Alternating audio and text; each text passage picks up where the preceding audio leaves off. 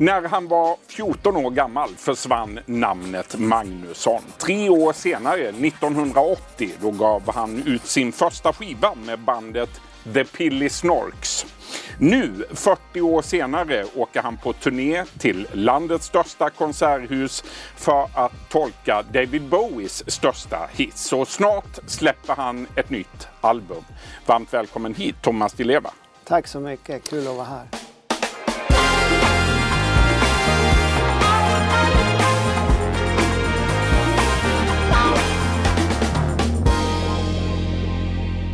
Är det vi får höra på det här albumet? Det här albumet är väl ett album för, för just alla som tyckte att X-Files och Twin Peaks var fantastiska serier. För det är ett album som handlar mycket om eh, konspirationsteorier. Vi är tillbaka i rymdåldern. Ja, vi är tillbaka i rymdåldern och just med, med ufon, med andra dimensioner. Med, och, men också handlar väldigt mycket om artificiell intelligens och motsättningarna som finns mellan oss idag. Idag finns det ju knappt, det finns ju nästan ingen eh, dialog. Man, man ser det eh, på typ, ja, du är på Twitter och jag är Mm. också på Twitter. Och man ser att det finns nästan ingen dialog eller inte ens en debatt utan det är bara folk som står och skriker Mm. till varann på två sidor om en mur ungefär. Och, och som i, jag saknar konstruktiva samtal. Våren 2018 då tolkade du David Bowies låtar under en föreställning på Hamburger Börs i Stockholm och det blev stor succé. Och nu under våren då åker du på turné genom landet för att tolka honom igen. Är han din stora husgud, David Bowie? Han är väl den artist som har påverkat mig mest av alla artister av dem jag lyssnade på när jag var tonåring och kände mig utanför och mobbad i Gävle. Eh, det, det känns som en stor, stor liksom bonus att jag, att jag får åka ut och, och tolka min, min tonårsidol. Vilken av alla hans låtar är den bästa? Det kan man inte säga för alla hans låtar. Det är, så fanta- det är som all konstverk. Dels på ytan är det en liksom jättestor hit som har låter som en fantastisk hit. Sen går man in i texten så är det liksom enormt fin poesi som, som man kan tolka lite hur som helst. Och så går man på soundet så är det liksom alltid spännande sound. Och om man tittar på vad låten handlar om då är det liksom väldigt liksom tidlösa ämnen just om den här lilla människans kamp mot det här stora maskineriet som bara maler på och maler ner oss alla till slut. Du föddes i Gävle 1963. Du växte upp med mamma, pappa, stora syster Camilla, storebror Marco. Hur skulle du beskriva din uppväxt? alltså det, Gävle var väl kanske inte så jättekul stad på, på 70-talet. Så, eh, man, man hade ofta långtråkigt och jag minns att det var långa vintrar och man lekte i snödrivorna och åkte skidor. Och... Men sen fanns det ju ett bibliotek som man kunde gå till. Som vi, vi bodde ganska nära stadsbiblioteket. Och där fanns det ju liksom, man kunde lyssna på skivor med David Bowie bland annat. Där hängde du ganska mycket. Ja, ja. Du har sagt att du var en udda fågel under skoltiden och det ledde till att du blev mobbad. Vad minns du av dina skolår idag? Jag minns inte så mycket av dem längre för tiden Har du förträngt det? Nej, det vet jag inte. Men jag, jag känner att jag, jag är nog en person som, jag tänker inte så här jättemycket långt bakåt och lever i dåtid. Utan jag tänker nu på den här dagen och så tänker jag vad som ska hända i framtid och vad jag längtar efter att få göra. Men det är klart att jag minns ju när jag var mobbad i skolan, om jag tänker på det så kan jag ju ta upp de minnena. Om man minns att man gick där och man, mobbingen var väl att man var utfryst och att ingen ville ha kontakt med en och att när man kom till skolan och gick genom korridoren så stod alla bara och stirrade på en. Som i en skräckfilm ungefär. Var det så det kändes också? Ja, Som att du var i en kändes som- skräckfilm? Ja, det slutade med att jag började skolka. Mm. Och eh, eh, sen så Det här var ju på gymnasiet så jag hoppade av gymnasiet. På grund av mobbingen? Ja, jag började skolka och hänga med, med punkarna på, på stan Mm. eh, på dagarna. Och eh, så jag försökte... Min pappa undrar ju, för han hade fått reda på att jag skolkade. Så han undrar ju, men varför skolkar du för? Nu måste du gå till skolan. Och så, men jag kan inte gå dit pappa. Jag blir mobbad, liksom. det är jättejobbigt. Eh, och då sa han, men vad säger du? Det, så kan det väl inte vara? De hade inte förstått det? De förstod inte och de kunde inte förstå. Jag kan också förstå det, de kunde inte ta in det riktigt.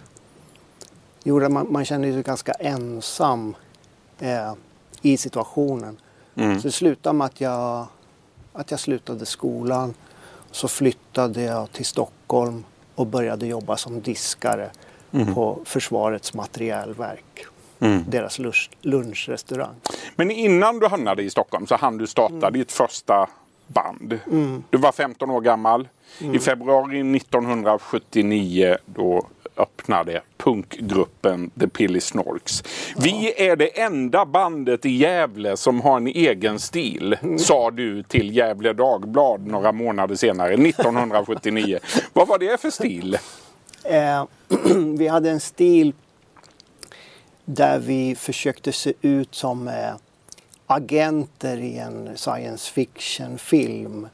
Och jag kommer ihåg också att vi släppte vår första EP som vi hade gjort själva och tillverkat själva och tryckt upp själva eh, för pengar vi hade tjänat på spelningar på ungdomsgårdar. Eh, att vi släppte den den 1 januari 1980 för att vi tyckte, vi var helt övertygade om att 1 januari 1980 då gick vi från liksom en vanlig tidsålder till rymdåldern. 1982 då, två år senare, då kommer ditt första soloalbum, Marginal Cirkus. Ett par år senare, då släpps albumet På ett fat. Bland annat med låten Kom till mig som tog sig in på Trackslistan. Du turnerade sen runt i hela landet men det gick sådär. Jag hade inga pengar och var så smal för att jag inte hade råd att köpa mat har du sagt. Ja. Var det så illa? Ja, det var så illa. Jag hade till och med, kommer ihåg, tejpat ihop min gitarr. För jag hade inte råd att köpa en ny gitarr. Eh, men det var den gitarren jag skrev Vem ska jag tro på? Wow, på det stora genombrottet 1987. Förstod du då att albumet eh, Vem ska jag tro på skulle bli en sån succé? Eh, jag, jag kände det. Men skivbolagsdirektörer och så kände ju inte det. Så jag kommer ihåg att jag gick runt och försökte få skivkontrakt. Jag kommer ihåg bland Du annat... var på flera ställen. Ja, jag var bland annat uppe till Thomas Ledin som var, var chef på, på Polar då. Jag var uppe och... och, och Thomas Ledin Ja, gjorde han, tummen han ner. refuserade vem Är det sant? Ja. eh, Kan vara så att han ångrar det idag. nej, det tror jag inte. Han, det går bra för honom. Du skrev Vem ska jag tro på någon månad Mm. efter att statsminister Olof Palme hade blivit mördad. Hur Mm. påverkades du av den händelsen? Jag kände att det var oerhört eh, traumatiskt för det kändes som att när man var ute och gick på, på gator och torg och man tog tunnelbana eller buss så eh, det kändes som att allas ögon var liksom, det var som att titta in liksom i, i, i ett stort mörker som att alla bara drev tillsammans på en, ett, ett stort mörkt hav och ingen visste riktigt vart liksom det, vi skulle ta vägen. Det kändes ju också som att hela folkhemmet som man hade växt upp med och man hade läst om i tidningar och sett på TV skulle vara så tryggt och att ingenting ont skulle kunna hända i trygga Sverige. Man kände att hela den där bilden gick ju i kras. Och oavsett vad man tycker politiskt eller vad man står politiskt och eh, vilken partifärg man har och så vidare. Så jag tror det tog hela svenska folket Så var det naturligtvis. Ja, ja. Färgade den händelsen din musik vid den tiden? Ja, det, det, det gjorde nog det. För att jag, jag höll på, hade redan börjat skriva på, på Vem ska jag tro på albumet.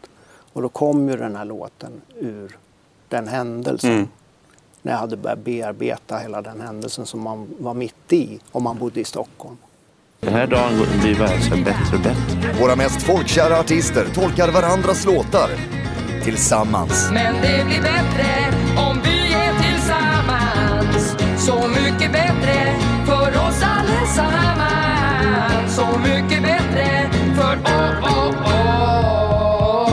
Vi backar tillbaka till 2010 för då var du med i tv-programmet Så mycket bättre.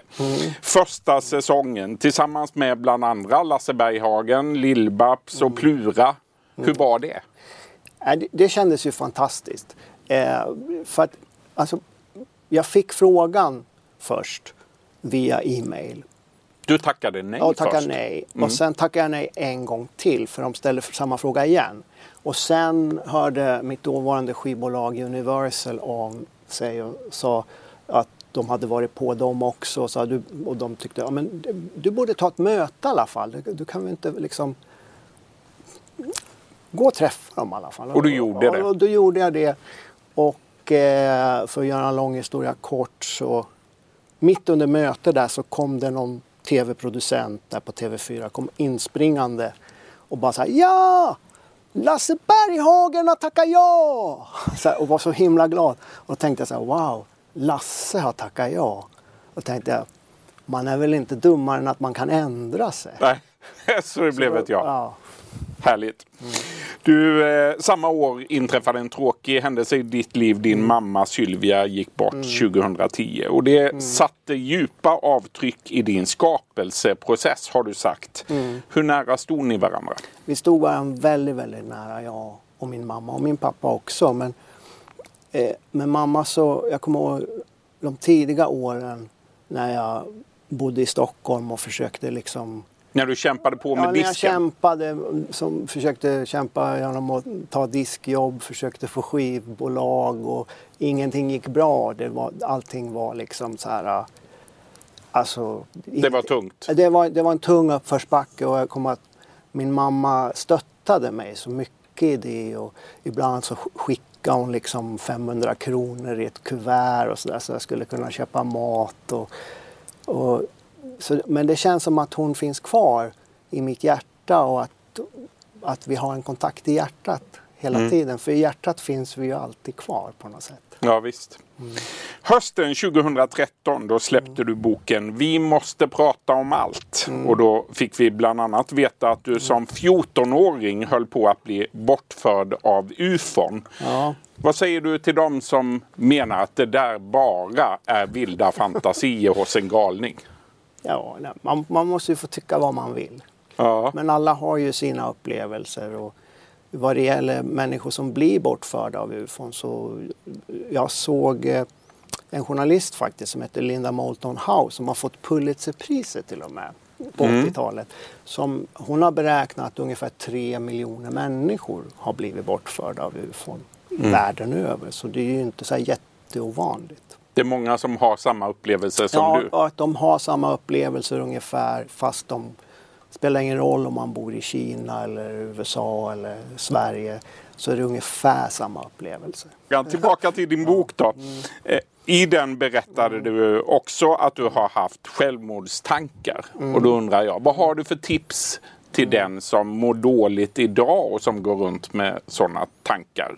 För du har lyckats ta dig ur det. Ja, eh, mitt tips är att man ska inte gå ensam med sådana tankar utan försöka prata med någon man känner eh, som är beredd att lyssna. För det betyder så mycket om någon orkar lyssna. Nå- Någon som bara finns där och lyssnar. Man behöver inte, och är man någon som lyssnar, man behöver inte, det finns ju inga enkla svar. Men att man finns där för varandra, att man lyssnar, att man tar sig tid för varandra. Att man visar att man bryr sig om varandra från hjärta till hjärta. Att man ser och hör varandra. Vem hade du att prata med? Nej, jag hade ju ingen. Men, men jag önskar att jag hade det. det Du var satt länge ensam. var, Ja, det här var precis när jag hade gjort, jag hade gjort eh, albumet Rymdblomma med Vi har bara varandra och var jättestor succé. Eh, sen eh, spelade jag Hamlet på Folkteatern i Gävle. också jätte, jättestor succé. Och sen eh, när jag kom hem och eh, höll på och skrev på nästa album som heter Noll som kom 1991.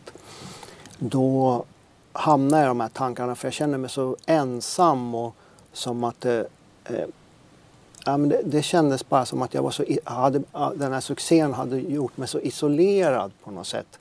Från liksom, Och sen hade du en press på dig att leverera Ja. nya succéer. ja, Mm. att man, man såg på mig som någonting som man mätte. Liksom, hur pass succéfyllt kommer det här att bli nästa år? Vill ni se Thomas Di Leva under våren? Eh, skynda er och köp biljetter för flera av konserterna är redan utsålda. Nu säger jag stort tack till Thomas Di Leva för att du kom till vår studio idag. Ja, stort tack själv. Tack! Du har lyssnat på en podcast från Expressen. Ansvarig utgivare är Klas Granström. Ett poddtips från Podplay. I fallen jag aldrig glömmer djupdyker Hasse Aro i arbetet bakom några av Sveriges mest uppseendeväckande brottsutredningar. Går vi in med hemlig telefonavlyssning och, och då upplever vi att vi får en total förändring av hans beteende. Vad är det som händer nu? Vem är det som läcker? Och så säger han att jag är kriminell, jag har varit kriminell i hela mitt liv men att mörda ett barn, där går min gräns. Nya säsongen av Fallen jag aldrig glömmer på Podplay.